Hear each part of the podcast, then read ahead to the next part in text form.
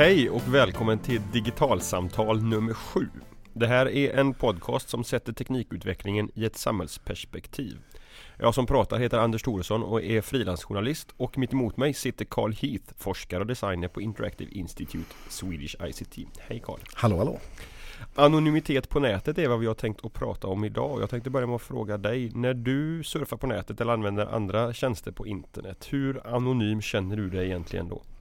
Jag skulle nog säga att det varierar men jag är lite nog lutar åt att vara lite happy-go-lucky typen av person.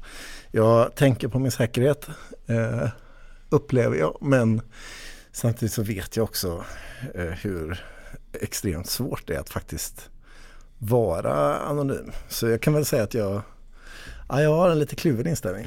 Gentemot vem är det du tänker att du faktiskt inte är anonym? Vem är det som möjligen kan, kan veta vad du gör på nätet? Alltså jag tänker att det finns ganska många som vet vad jag gör på nätet. Jag vet ju till exempel att både Google och Facebook och många andra nättjänster har en ganska god uppfattning om vem jag är baserat på den data som jag lämnar ifrån mig i deras olika typer av tjänster.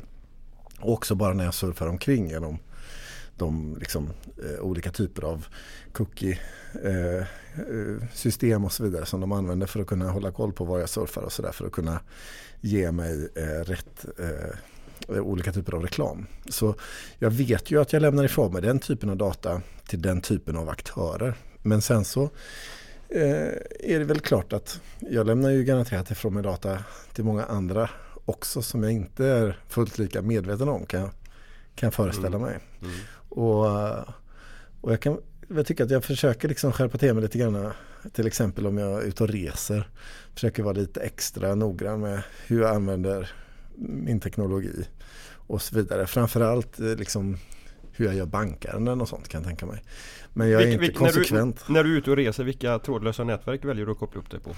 Ja men där sätter du mig på pottkanten lite grann. För jag menar, självklart så Eh, är ju eh, wifi något som man liksom verkligen suktar och trakterar ute på när man är ute och rör sig och far. Och det är ju väldigt lätt hänt att jag eh, loggar på ett, ett hotell-wifi. Men det är klart, jag har ingen aning om det är ett hotell-wifi eller överhuvudtaget hur säkert eller osäkert de hanterar min data i deras nät på eh, hotellet. Och jag vet ju att jag borde liksom använda mig av en VPN-klient. Eh, Eh, till exempel när jag surfar på det sättet och ibland så gör jag det också. Ja, det, men jag är inte konsekvent. Liksom. Jag tänker att här kanske vi behöver stanna upp och, och, och, förklara dels vad problemet faktiskt är med att koppla upp sig på ett hotell wifi eller på ett annat trådlöst nätverk och vad VPN är. Ja men absolut. Och, och hur men, det kan hjälpa till. Vad skulle du säga är problemet med att jag eh, på slentrian eh, loggar på ett hotellnätverk? Problemet är att du ställer väldigt stor tilltro till de nätverkstekniker som faktiskt har satt upp det här nätverket. Det är det ena och det andra är precis som du antyder att du kan inte vara säker på vem det faktiskt är som är nätverkstekniker. Och vad skulle problemet för mig vara med det? Pro problemet med det är att eh, den som har kontroll över infrastrukturen, de routrarna och de switcharna och så vidare som bygger upp internet. Eh, de kan i väldigt stor utsträckning se vilka tjänster du använder. Vilka sidor du besöker på nätet och eventuellt också faktiskt snappa upp innehåll i dina chattloggar eh, eller i dina chattar, i dina användarnamn och kanske faktiskt dina lösenord också. Och det, liksom det här kommer ju av att det finns inga direktförbindelser på nätet. Det finns inte en kabel som är dragen från min dator till den tjänsten som jag vill använda. Utan allting hoppar via massa olika teknisk utrustning på vägen. Och i, i varje sånt här hopp så, så har den nätverksteknikern som har tillgång till den tekniska utrustningen också en möjlighet att att titta på innehållet, eh, se vad du besöker för sidor eller faktiskt manipulera det och skjuta in annan typ av information. Men, men då skulle jag kunna liksom tillföra argument om jag har inte så jäkla mycket att dölja. Och där är ju liksom givetvis svaret på det att det har du visst det. Eh, därför att det finns ett ekonomiskt intresse av att komma åt dina inloggningsuppgifter till en e-postkonto till exempel.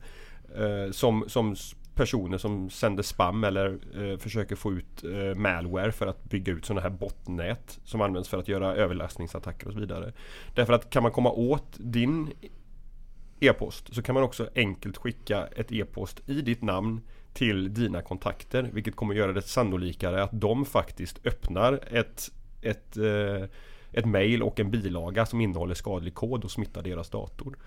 Eh, så det, det, är ju liksom den så det är liksom en eh, tripp-trapp-trull-effekt? Det är absolut en tripp-trapp-trull-effekt på det här och, och, det finns också exempel på hur i, i, Sverige kan man se hur bland annat uh, Swedbank har för mig det har, har, gått ut och börjat varna sina kunder för någonting som de kallas för, för Facebook-bedrägerier. Som också är en sån här tripp-trapp-trull-effekt. Där, där en bedragare först um, ser till att ta kontroll över någons Facebook-konto. Och sen skickar chattmeddelanden till den här personens vänner på Facebook. Och skriver någonting i stil med att eh, Hej, jag kan inte komma in på min internetbank för, för eh, batteriet i min bankdosa har tagit slut. Kan inte du hjälpa mig att skapa en, en engångskod istället? Och det, det som bankerna då vittnar om när jag har gjort intervjuer med dem det är att eh, framförallt unga idag har inte en uppfattning om att de, hur de här bankdoserna fungerar, att de är personligt knutna. Jag, jag, kan inte skapa en kod med min dosa som du kan använda för att logga in på ditt internetkonto. Så att man använder liksom, genom att göra en första kontokapning så ikläder man sig rollen som Anders Thoresson. Och sen går man vidare och, och liksom trappar upp den här attacken. Då liksom. Så det, det, är en aspekt om, om varför den här eh, slentrianmässiga användningen utav trådlösa nätverk kan, kan vara ett problem. Och sen är, finns det ju också då en, en, en direkt integritetsaspekt på det hela. att den som har kontroll över ett nätverk kan också se vilka sidor du besöker och därmed kanske bygga någon form av profil på dig. Vilka, vilka intressen du har eller vilka sjukdomar du är orolig för att få? Jag, jag kan tänka mig det, att liksom lite beroende på vem jag är så är det olika viktigt eller spelar olika stor roll. Alltså, eh, att, vara, att inte vara anonym eh, för mig i Sverige idag eh, är ju inte kanske det största problemet för mig eh, i min vardag. Eh, men däremot för en person som lever under andra livsbetingelser i regimer som inte har samma grad av öppenhet till exempel så skulle den här typen av information helt plötsligt mm. kunna bli betydligt mycket mer känslig och, och allvarsam. Och, och det, det, som du är inne på där tycker jag är en sån viktig aspekt på hela den här diskussionen kring anonymitet på nätet som ofta glöms bort. Därför att man pratar om eh, anonymitet på nätet som just nu i väldigt mycket utsträckning kontexten till terrorhot till exempel och att, att med anonymitet så sätter man nationens säkerhet i farozonen. Men, men då, då, då, då, tänker man på hur vi har det här. Men det finns andra delar i, i världen där man inte vågar göra sin röst hörd överhuvudtaget om man inte har en, en anonymitet som, som skyddar den. Men om vi backar bandet lite grann. Om jag frågar dig, för jag vet ju att eh, du har en eh, högre grad av eh, eh, du lägger mer energi på att se till att försöka mm. vara anonym på nätet om jag jämför med mig själv.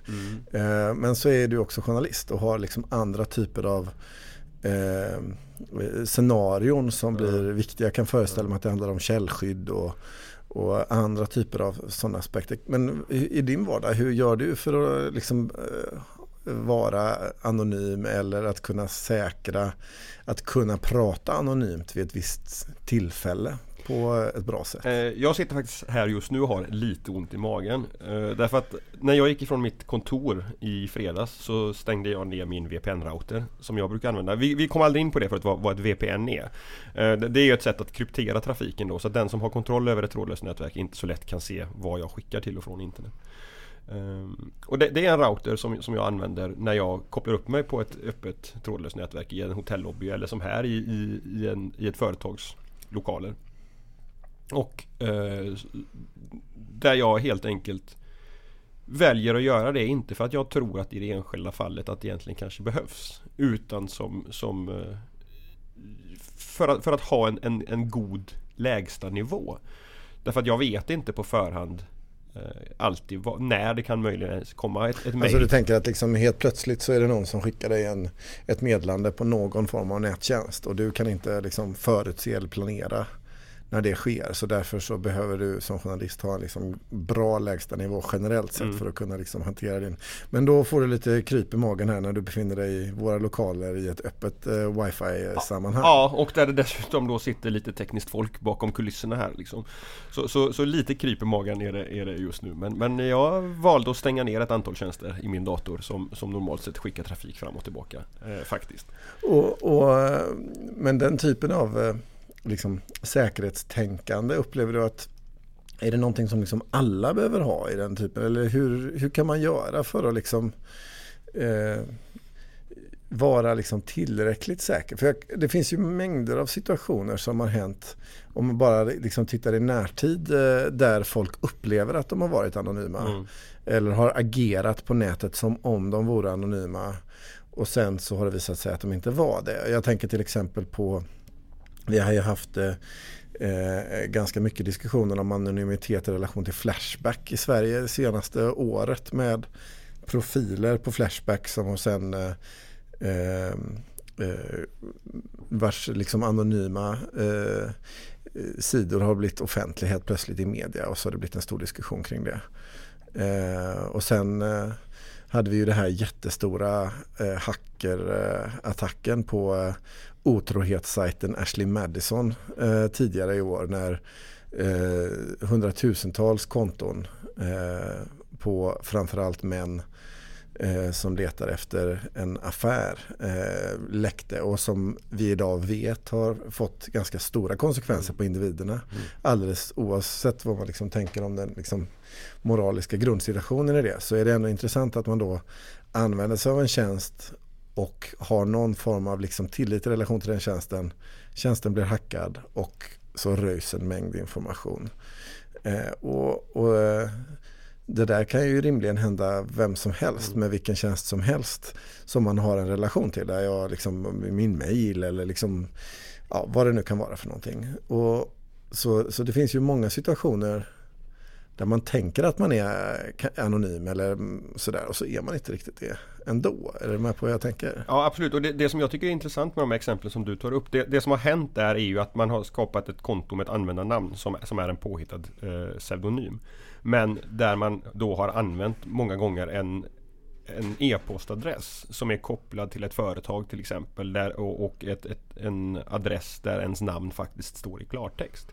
Och där man då inte har tänkt igenom det faktum att genom att använda du skapar en, en, en påhittad identitet men genom e-postadressen så kopplar du den till vem du faktiskt är. Och om, om folk inte har den förståelsen för att den kopplingen går att göra när de skapar ett konto på en sajt som handlar om att du ska vara otrogen mot din partner eller din, din äkta maka eller make.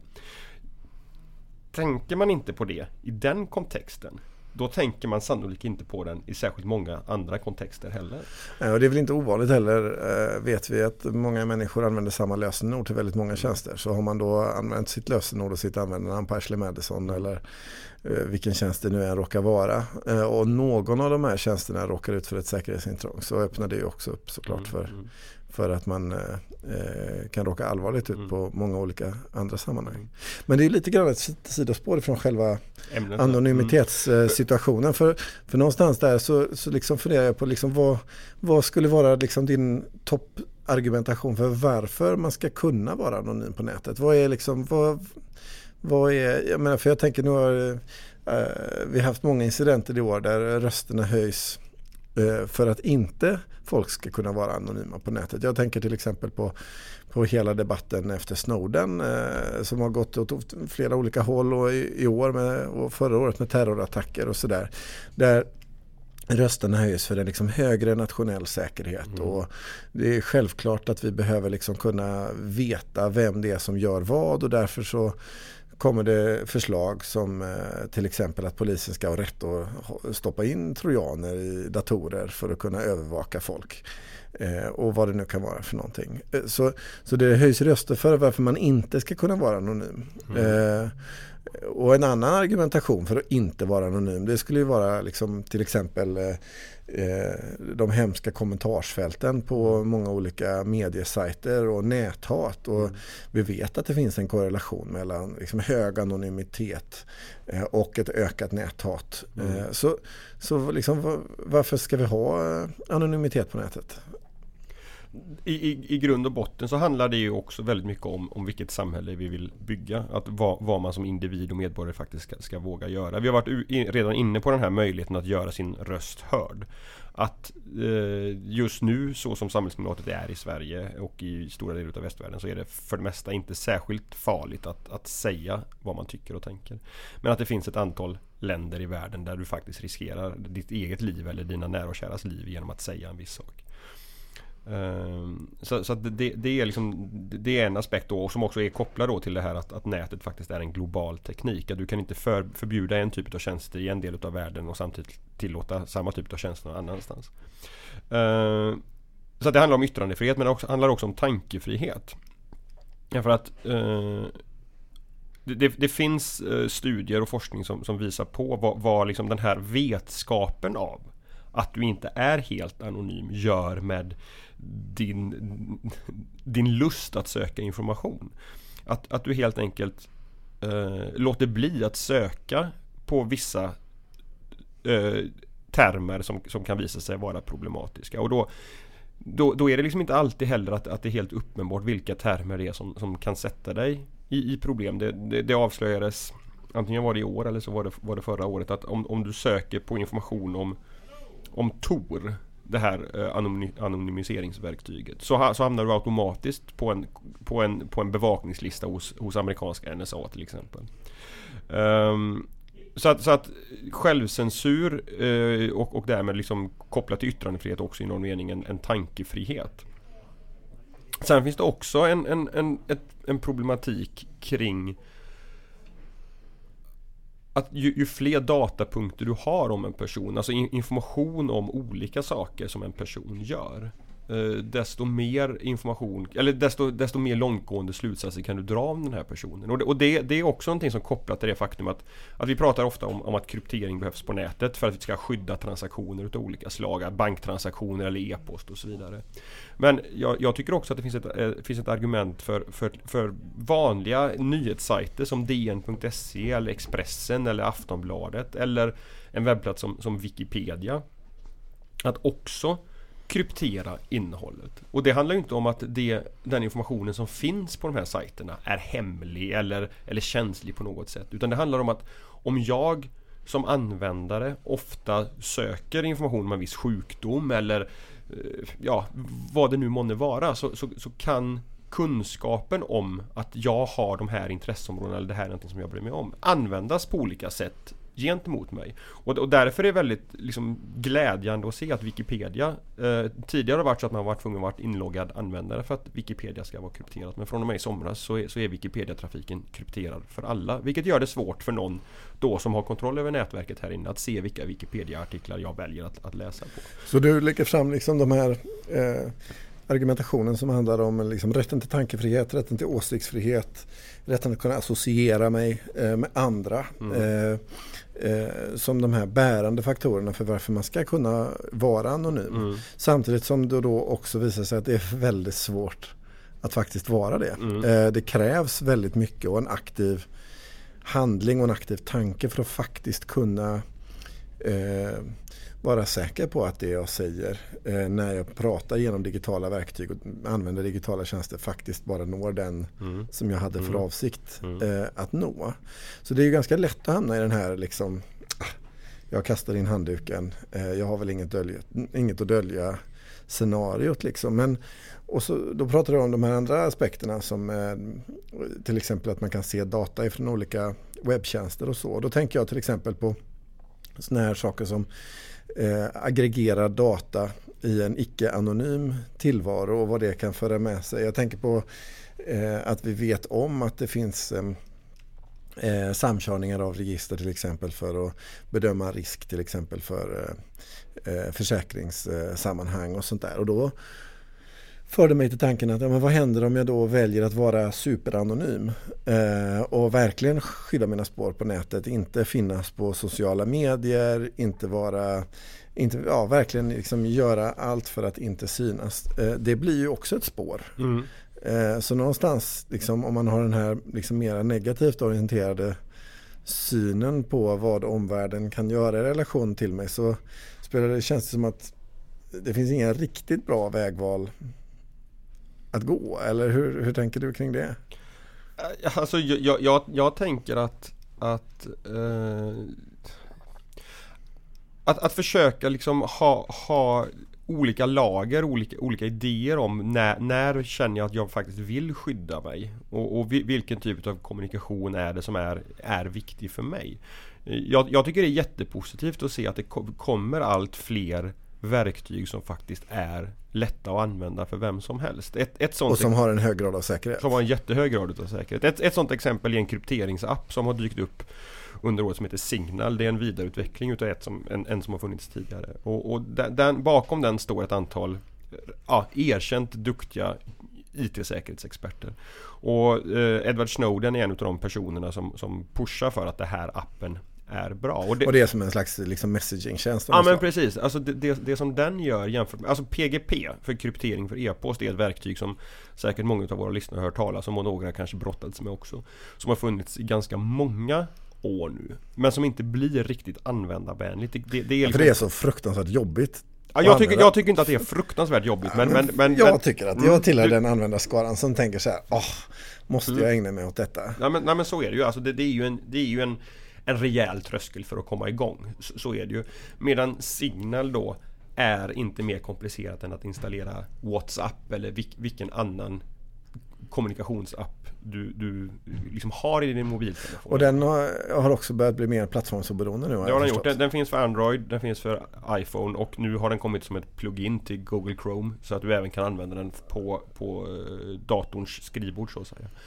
Och det, det som är då fint med den här appen det är att den är lätt att komma igång med och när du väl har börjat använda så skiljer den sig inte i användarupplevelse från någonting annat du är van vid att använda. Så att kan du, ju fler utav dina vänner du kan flytta in där desto större del utav din kommunikation är, är faktiskt krypterad. Och då, då, då jag, jag upplever att det ger en Åtminstone mig. Jag, jag är väl inte liksom som, som typanvändaren här kanske. Men, men, men, men det, det, det, ger mig en en liten annan känsla när jag skriver ett meddelande i Signal kontra en annan eh, meddelandeapp. I, i men om man då liksom sätter sig i den liksom ringhörnan som säger att ja, men om, eh, det är inte bara du som använder Signals utan det gör också terroristerna och det gör alla andra och vi måste liksom kunna garantera nationens mm. säkerhet och mm. därför så ska staten ha en, eh, ett login till eh, Signals och alla andra sådana här tjänster mm. som gör att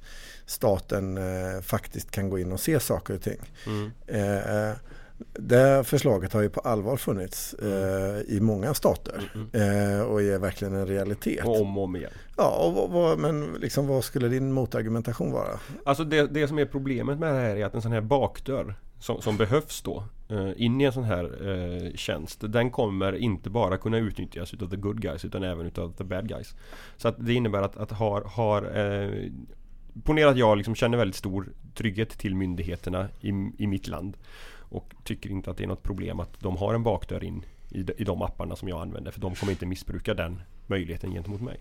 Så kan man nog vara tämligen säker på att andra kommer hitta den här bakdörren in också. Och, och liksom då, är, då är ju grundfrågan, kan vi lita på de här personerna eller inte? Och det här kopplar ju också till en, till en diskussion som som jag har fört ganska många gånger med, med, personer som jobbar med det här på fältet. Antingen som säkerhetsexperter eller hjälper Eh, personer i, i, i, länder runt om i världen att, att använda nätet på anonymt sätt. Att, att den här balansgången som är kring, kring massavlyssning å ena sidan och, och en mer riktad eh, buggning utav en person som faktiskt det finns en, en brottsmisstanke mot. Och jag har fortfarande inte träffat någon som, som tycker att polisen inte och andra, andra rättsvårdande myndigheter inte ska ha en möjlighet att avlyssna trafik när det finns en tydlig brottsmisstanke utan, utan det som, som folk tycker är det problematiska det är ju den här massavlyssningsmöjligheten. Och det, det som har hänt är ju att, att kostnaden för avlyssning har i och med att allt mer av trafiken går via internet idag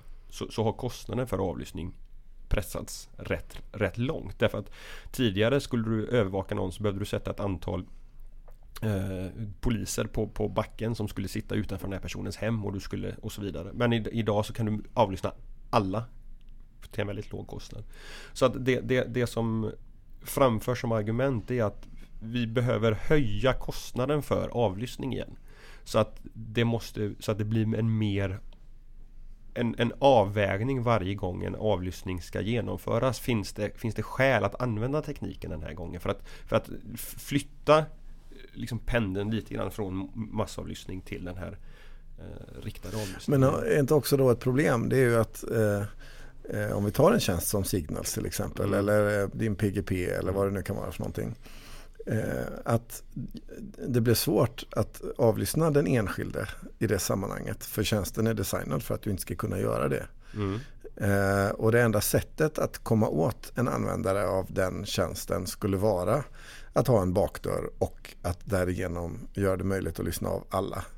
Mm. Eh, och där argumentet är också att ja, men, nätet är så stort, det är lika bra vi trålar och dammsuger hela nätet så vi samlar all världens information som NSA eh, med flera eh, explicit har uttryckt att de har för avsikt att göra. Mm. Eh, att nej, men det måste vi göra för vi kan inte på något annat sätt garantera eh, säkerheten eftersom de här tjänsterna finns som inte gör det möjligt för den enskilde att, eh, eller att eh, komma åt den allra enskilda. Mm. Tidigare så så eh, i en mindre digitaliserad värld så var ju liksom våra sätt att kommunicera på färre. Och även om det förvisso var väldigt dyrt att avlyssna en enskild individ så, så hade du ändå liksom eh, kanske någon form av möjlighet att göra det med traditionella buggar och vad det nu kan vara för någonting.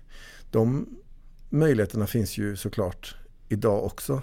Men som du är inne på med cost effectiveness argumentationen då så så eh, är det ju ändå ganska lätt för en liksom, myndighet att tänka att ja, men kan vi göra det här för en tiondel av kostnaden så är det oerhört mycket bättre. Mm. Och det borde ju ligga i skattebetalarnas intresse då. Mm. Att göra det här billigt och effektivt. Om jag nu fast, fast, talar det ja, för ja, denna. Ja, absolut, men, men då, då, hamnar man ju också i den här situationen att, att, som du säger att det behövs till exempel buggar då i, i de här mjukvarorna som du ut, utnyttjar för att göra den här avlyssningen. Och, och, de buggarna, de vet vi redan idag att, att nätbrottslingar använder för att installera eh, trojaner som gör att min dator blir en del av ett botnät och så vidare. Så att det, det plötsligt... Alltså du tänker att liksom, det är inte bara en som använder eh, bakdörren. Utan gör jag en bakdörr för någon så är det en bakdörr för alla som har den tekniska möjligheten. Och... Ja, och, och, och, även om inte kanske någon annan hittar just din bakdörr som du har planterat i den här mjukvaran så kanske det finns andra som hittar den buggen som har gjort det möjligt för dig att bygga den här bakdörren i, och så bygger de en i, egen. i första läget. Och, och det är precis, och så bygger de en egen. Och, och det då leder till en situation där, där eh, varken myndigheter eller nätbrottslingar Eh, de hamnar plötsligt, får ett, får ett gemensamt intresse utav att de här buggarna inte ska lappas och lagas i, i de programmen och i de prylarna som vi använder. Men hur ska man lösa ut den här situationen Anders, tänker du då? När liksom de eh, rättsvårdande myndigheterna har ett behov av liksom god och bra underrättelseinformation. Eh, samtidigt som vi vill kunna värna medborgarens rätt till frihet och rätt till tankefrihet, åsiktsfrihet, associationsfrihet och så vidare som, som ändå är mänskliga rättigheter. Mm. Hur liksom i ett digitalt samhälle, hur, hur får man ihop de här två världarna då? Finns det någon liksom gyllene medelväg eller var står du i den frågan? Eh, jag, jag, vet ärligt talat inte. Alltså så här, jag, jag, jag, tycker att det här är givetvis en, en, en svår och tuff balansgång eh, och gränsdragningsproblematik att, att göra. Och eh, det, det, det, som jag känner är att, att man, man hamnar i en situation där man eh, och, och, om man tycker att det är en bra idé att, att myndigheter ska få ägna sig åt det här så, så krävs det ju då eh, Dels att man känner en väldigt, väldigt stor tillit till de här myndigheterna. Eh, att de inte missbrukar den här informationen på olika sätt eller de här möjligheterna. Och, och där finns det tyvärr gott om exempel på där där informationen faktiskt till sl i slutändan läcker eller där, där anställda på myndigheterna missbrukar den insamlade informationen och så vidare. Eh, så du, du, måste, du måste vara bekväm med att det här, att det här äger rum. Och sen, sen så måste du också då känna dig förvissad om på något sätt, vilket ju egentligen inte går då, att inte någon annan organisation utnyttjar samma möjligheter. Men, men hur, hur, vad man landar i här och hur, i, i hur det här ska liksom regleras. Det, alltså, uppenbarligen med tanke på att vi har de här diskussionerna och haft dem i flera år så finns det inget, inget självklart och jätteenkelt svar på den, på den frågan tyvärr. Vad tänker du själv? Jag är nog lite inne på samma spår som du. Jag kan ju absolut se vikten av eh, eh att våra rättsvårdande myndigheter och andra myndigheter också har eh, tillgång till och möjlighet till att ta fram viss typ av information som eh, en man som individ i många lägen skulle vilja uppleva eller ha, eh, se ska vara anonym eh, när det begås brott och vad det kan vara.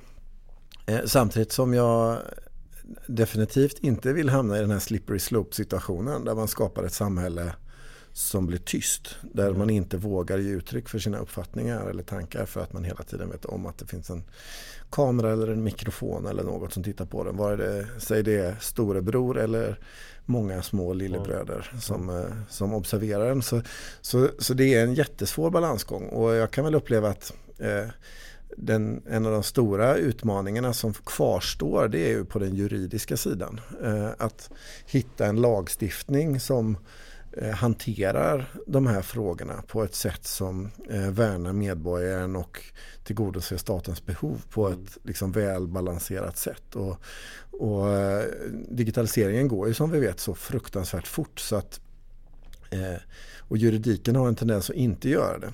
Eh, vilket vi i många lägen ska vara ganska tacksamma för eftersom den har så stora effekter på oss eh, som medborgare. Så att, så att vi står liksom i en brytpunktssituation och kommer nog göra det under en ganska lång tid Mm. i, det här, eh, i det här sammanhanget. Mm. Så eh, Mm. ja, Vi, jag tror inte att vi kommer så mycket längre eh, med, med svaren på de här frågorna här och nu men vi kommer säkert återkomma till den här diskussionen också vad den här podcasten lider och förhoppningsvis kanske prata med lite andra folk om deras tankar och åsikter kring det här också. Eh, och med det så är avsnitt nummer sju utav Digitalsamtal slut. Eh, jag och Karl hänger som vanligt i Facebookgruppen Digital samhällskunskap och där får ni gärna titta in för att diskutera det här och andra saker med oss. Eh, Det går också bra att skicka frågor per mail och då finns vi på podcast at digitalsamtal.se och på Twitter heter vi bara at digitalsamtal. Och eh, med det så tackar vi för idag och eh, önskar på återhörande. Hej då! hej då!